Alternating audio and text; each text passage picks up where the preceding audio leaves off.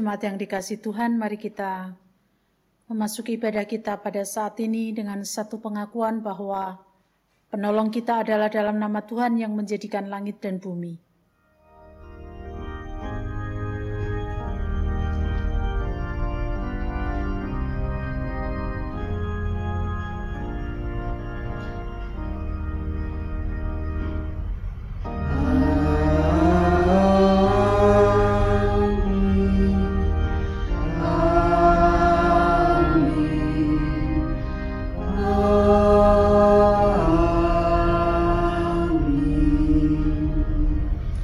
Kasih karunia dan damai sejahtera dari Allah Bapa kita dan dari Tuhan Yesus Kristus menyertai saudara sekalian. Dan menyertai saudara juga. Nats pembimbing kita diambil dari Mazmur 89 ayat 1. Aku hendak menyanyikan kasih setia Tuhan selama-lamanya. Hendak memperkenalkan kesetiaanmu dengan mulutku turun-temurun. Kita bersama menyanyikan Kidung Jemaat 14 ayat 1, 2, dan 3.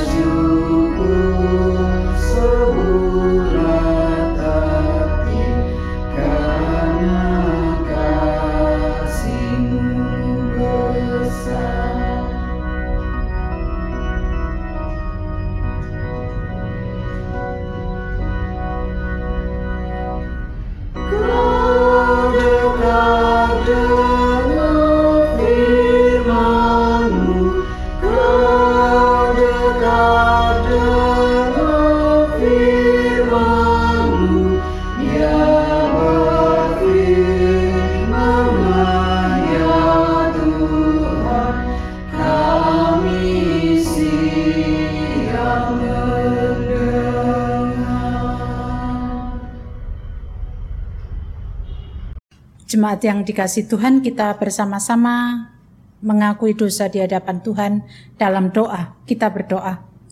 Tuhan Allah di surga, kami berterima kasih saat ini Tuhan memanggil kami untuk mengakui segala keberadaan kami di hadapan-Mu. Kami menyadari akan kesalahan dan dosa kami, di mana kami seharusnya menyatakan cinta kasih dalam kehidupan keseharian kami, tetapi sering kali yang terjadi justru sebaliknya. Ampuni ya Tuhan dosa dan kesalahan kami. Dalam nama Tuhan Yesus kami berdoa. Amin. Kita bersama-sama menyanyikan Kidung Jemaat 32 bait 1 dan 2, Kulihat salibmu. Jadikan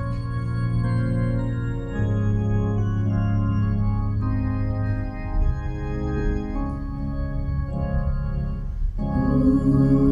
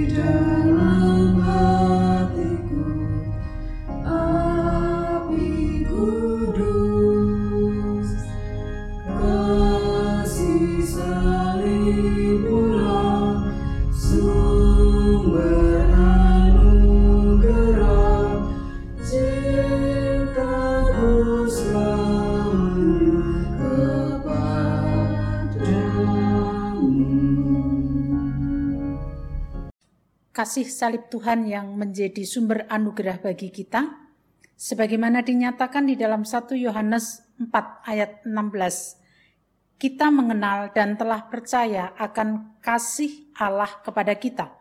Allah adalah kasih.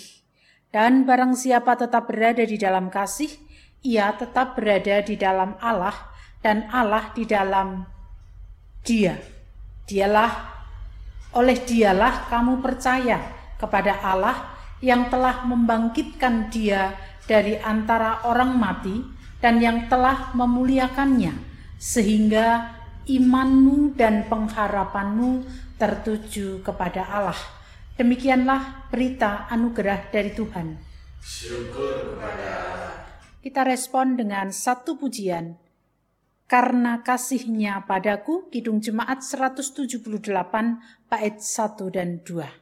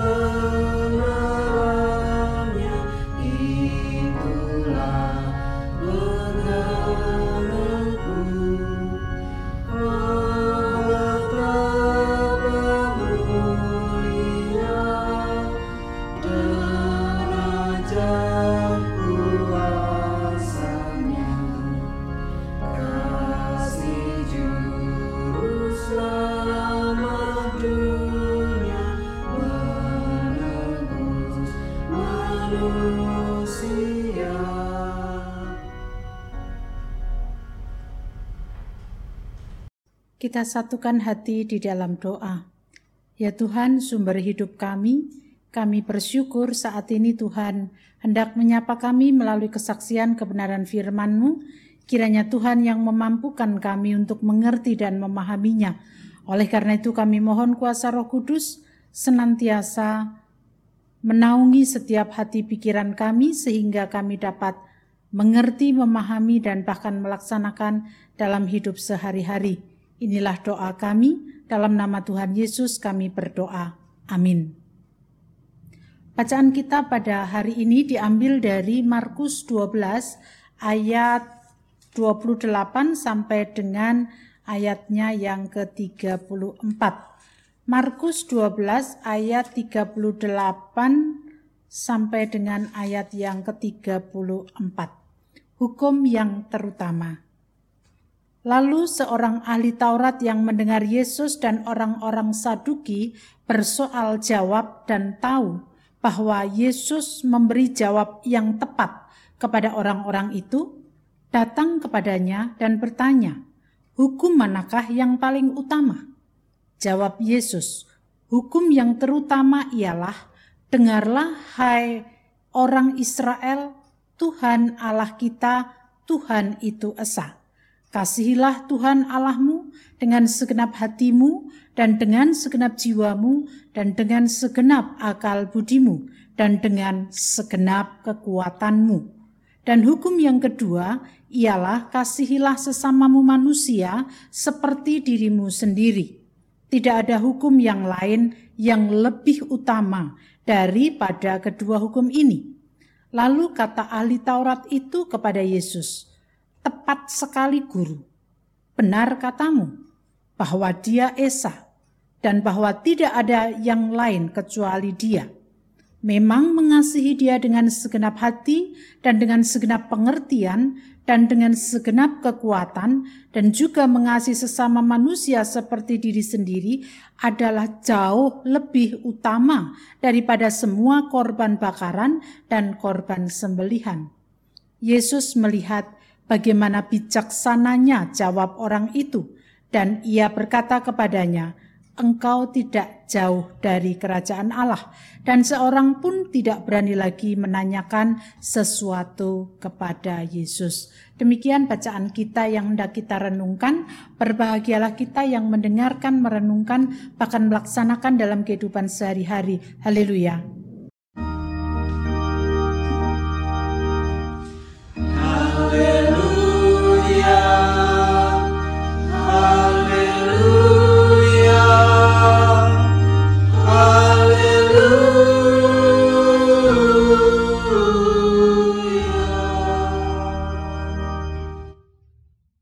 Jemaat yang dikasih Tuhan dalam hidup kita, kita tentu saja pernah mendengar kata hukum.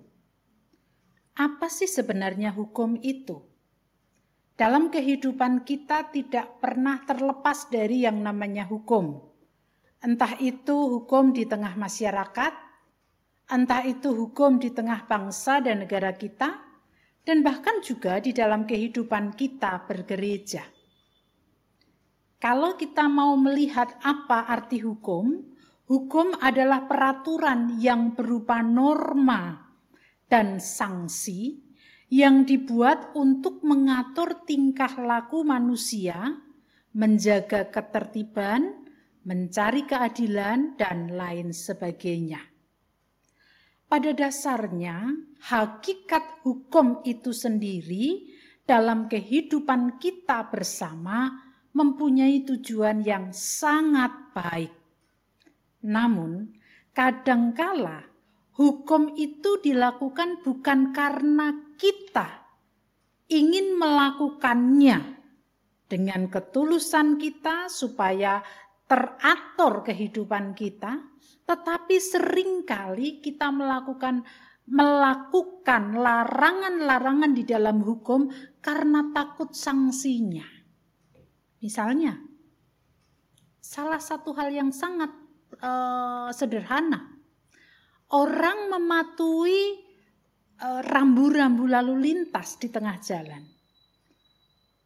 Ya, memang di antara orang yang ada, ada yang memang mematuhi karena memang supaya dia uh, selamat begitu ya. Tetapi tidak sedikit orang yang mematuhi rambu-rambu lalu lintas karena takut ditangkap polisi misalnya.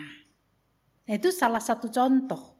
Jadi hakikatnya baik, tetapi kadangkala itu dilakukan bukan karena supaya menjadi baik, tetapi karena ada ketakutan-ketakutan, yaitu sanksi-sanksi yang harus diterimanya.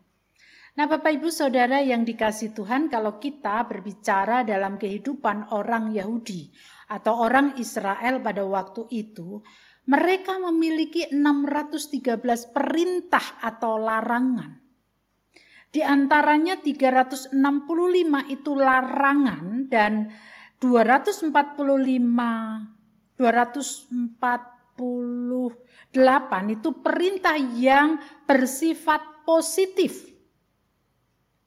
Yang paling penting bukan bagaimana hukum itu dilakukan supaya terjadi ketertiban, tetapi itu dilakukan supaya tidak mendapatkan sanksi.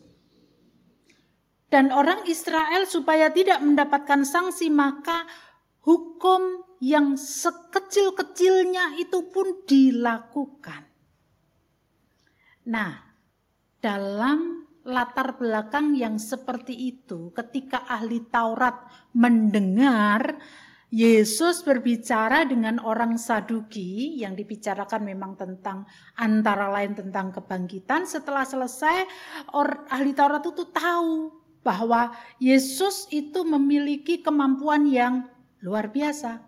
Sehingga dia datang kepada Yesus dan di dalam bacaan kita uh, jelas dikatakan bahwa ahli Taurat itu bertanya hukum manakah yang paling utama. Jadi memang dulu uh, dalam kehidupan orang Israel yang berisi 16 613 tadi memang ada hukum yang terberat, ada hukum yang uh, agak berat, ada hukum yang ringan dan agak ringan. Jadi di di di apa ya dijadikan seperti itu. Nah, ketika itu Tahlil Taurat bertanya, hukum mana yang paling utama?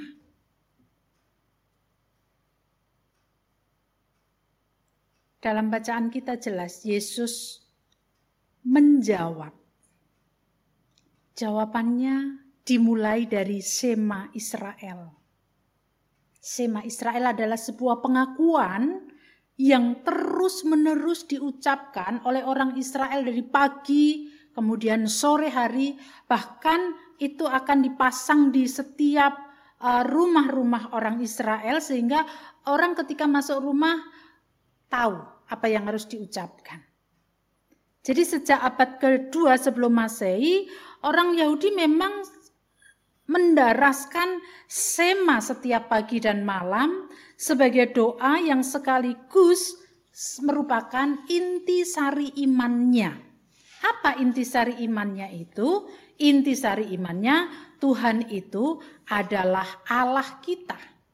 Itu sebabnya setelah Yesus menyampaikan terkait dengan sema Israel, dia melanjutkan karena kita memiliki Tuhan yang esa yang adalah Allah kita, maka kita harus mengasihi mengasihi Tuhan dengan apa? Dengan segenap hati, segenap jiwa, dan dengan segenap akal budi dan segenap kekuatanmu. Pertama kali adalah hati. Mengapa? Hati adalah pusat kepribadian manusia. Jadi kasih yang dilakukan kalau itu menjadi sebuah hukum yang harus dilakukan, jangan sampai itu dilakukan karena sanksi atau hukum yang akan menimpanya kalau tidak dilakukan. Yesus ingin hukum yang dilakukan oleh orang Israel itu timbul dari hati, pusat kepribadian itu sendiri. Yang kedua, jiwa. Jiwa itu apa? Jiwa adalah nyawa atau kehidupan. Demi dan bagi Allah Manusia harus siap mengorbankan nyawanya sekalipun jiwa itu dipandang sebagai kehendak atau keinginan atau juga bisa saja perasaan tetapi sepenuh kehendak. Dikatakan sepenuh jiwa berarti sepenuh kehendak dan keinginan. Nah, keinginan yang seperti apa? Keinginan yang bukan terpusat pada materi dan benda, tetapi yang terpusat pada Tuhan. Kemudian yang ketiga akal budi. Akal budi itu adalah kalau orang ahli Taurat tadi mengatakan pengertian. Menjadi penguasa kehendak dan kelakuan manusia. Sehingga akhirnya manusia melakukan sesuatu berdasarkan akal budinya. Nah, hati, jiwa, akal budi itu harus menyatu di dalam menyatakan kasihnya kepada Allah itu sebabnya disusul dengan kata sepenuh kekuatan, segenap kekuatan. Jadi hati yang apa? yang hati yang penuh dengan kekuatan. Jiwa yang penuh dengan kekuatan, akal budi yang penuh dengan kekuatan. Jadi bukan hanya setengah-setengah, ya nek iso, nek raiso yo ora, bukan, tapi harus dengan sepenuh kekuatan. Jadi itu yang dikatakan Yesus. Tetapi bukan berarti sampai titik. Orang Israel, orang Yahudi paham betul bahwa mereka harus mengasihi Allah tetapi mereka ketika harus mengasihi sesama, sesama yang dimaksud oleh orang Yahudi itu bukan sesama sebagaimana yang diajarkan Yesus. Sesama menurut orang Yahudi ya sesama orang Yahudi itu. Kalau orang yang non Yahudi berarti bukan sesama mereka.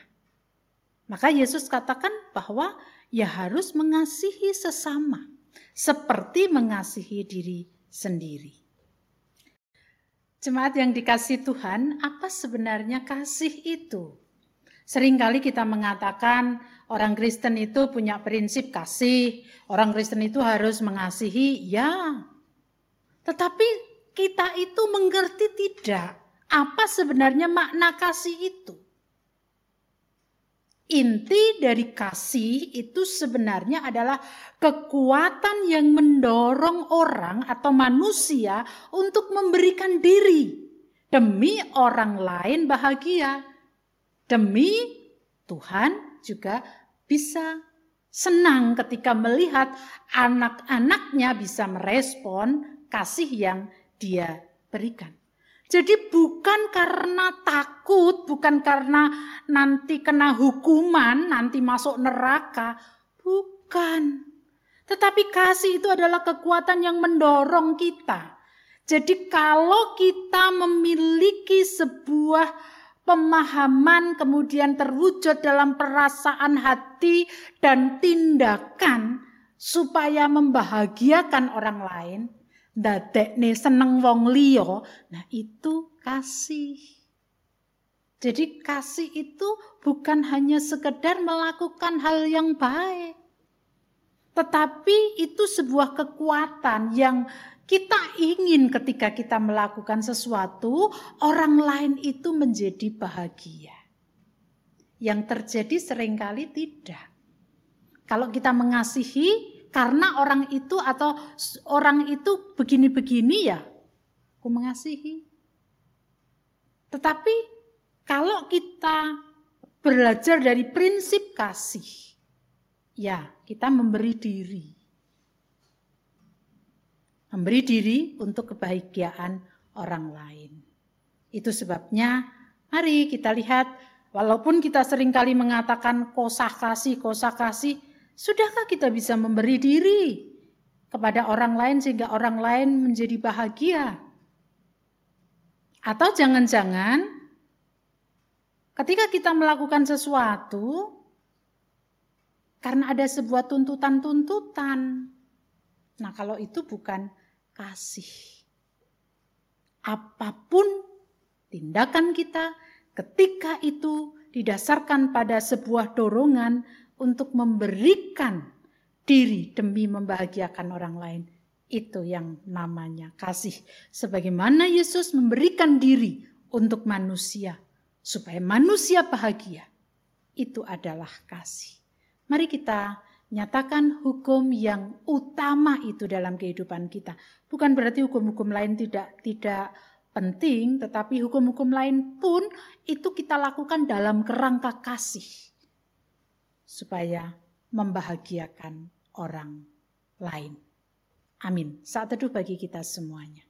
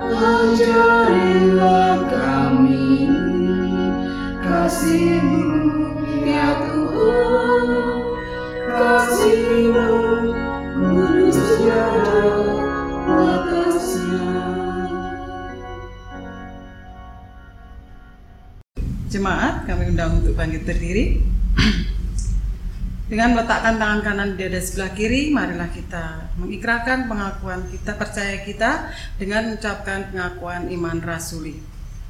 Aku percaya kepada Allah, Bapa yang Maha Kuasa, Kalik langit dan bumi, dan kepada Yesus Kristus, anaknya yang tunggal, Tuhan kita, yang dikandung daripada roh kudus, lahir dari anak darah Maria, yang menderita di bawah pemerintahan Pontius Pilatus, disalibkan, mati dan dikuburkan turun dalam kerajaan maut.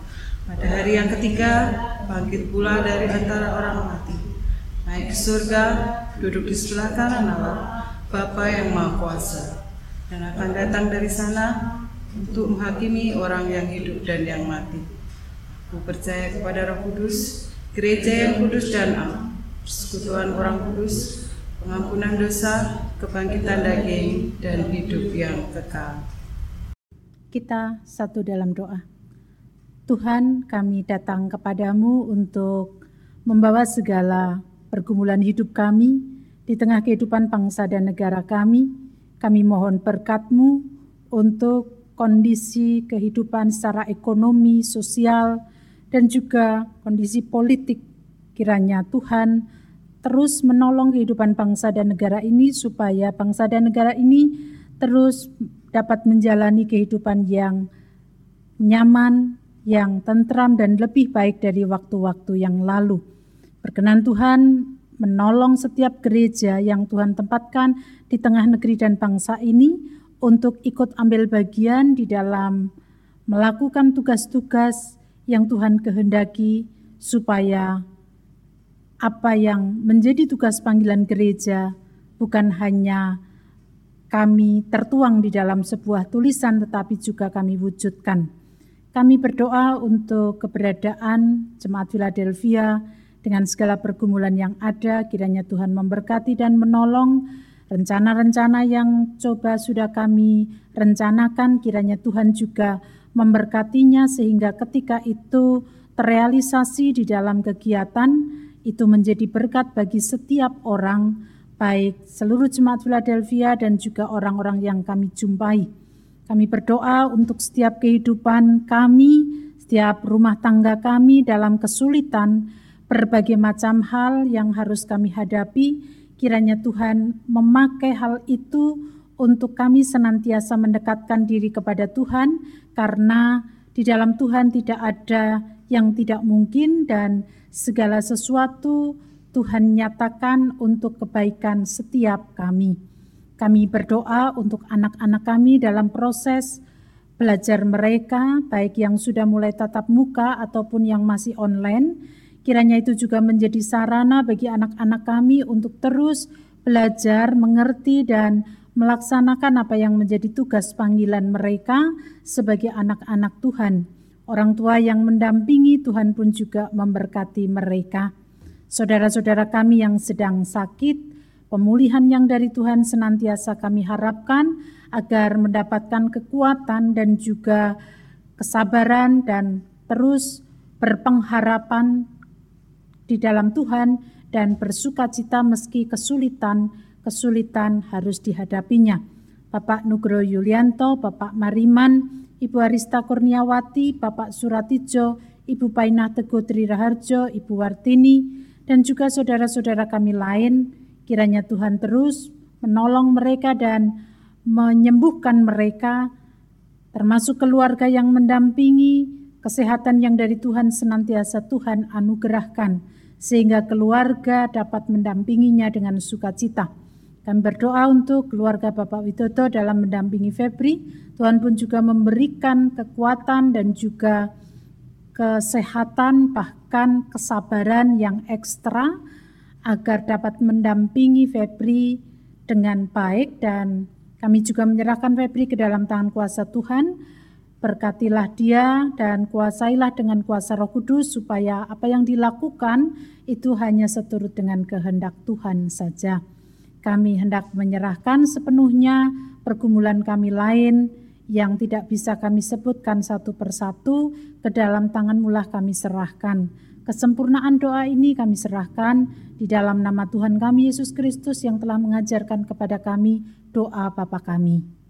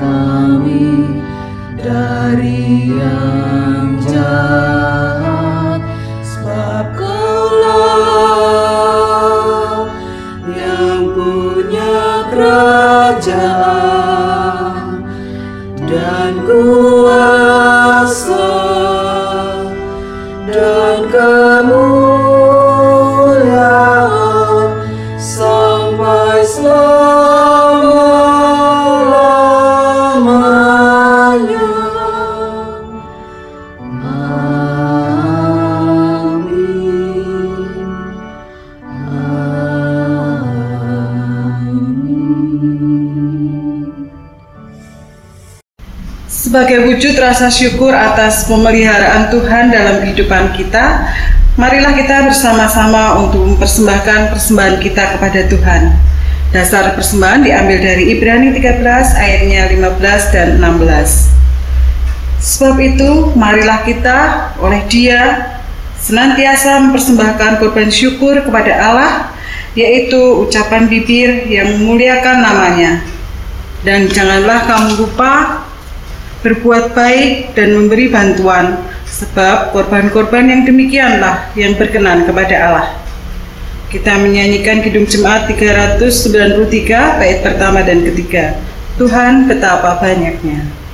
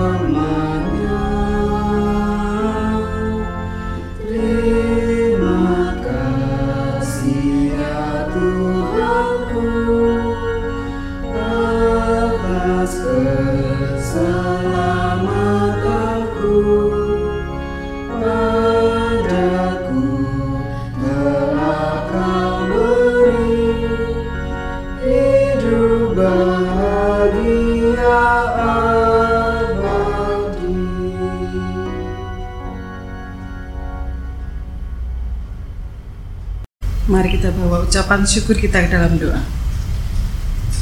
Kami mengucap syukur dan berterima kasih Tuhan atas berkat rahmat yang Kau berikan kepada kami setiap hari, hari lepas hari, tidak pernah berhenti Tuhan Kau memberkati kami.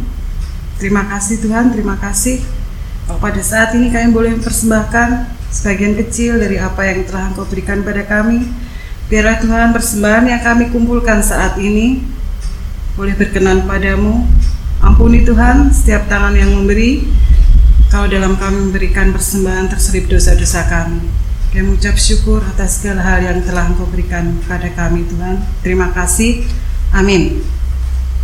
Inti kasih adalah kekuatan yang mendorong manusia untuk memberikan dirinya demi kebahagiaan sesama. Mari kita wujud nyatakan itu dengan sepenuh hati, segenap jiwa, dan juga akal budi, bukan hanya setengah-setengah. Kita bersama akan menyanyikan Kidung Jemaat 427 bait 1 dan 2 merupakan wujud respon apa yang Tuhan nyatakan kepada kita pada saat ini. Kita pujikan dengan bangkit berdiri.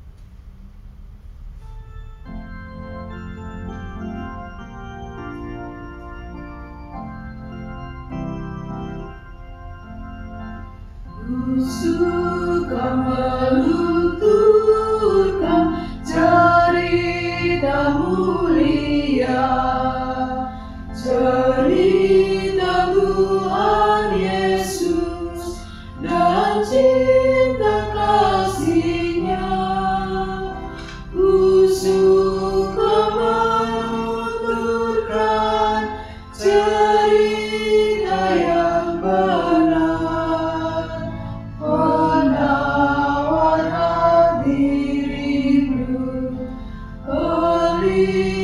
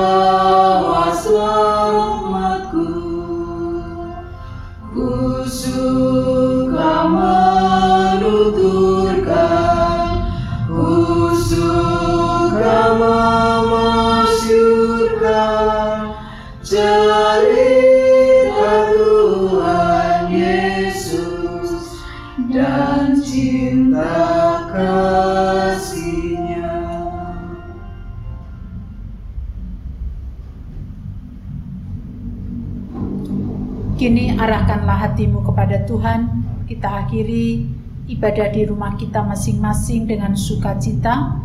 kita lanjutkan hidup kita dan terus berkarya bagi Tuhan. Kita terima berkatnya. Kasih karunia Tuhan Yesus Kristus dan kasih Allah Bapa serta persekutuan Roh Kudus menyertai kita sekalian selama-lamanya.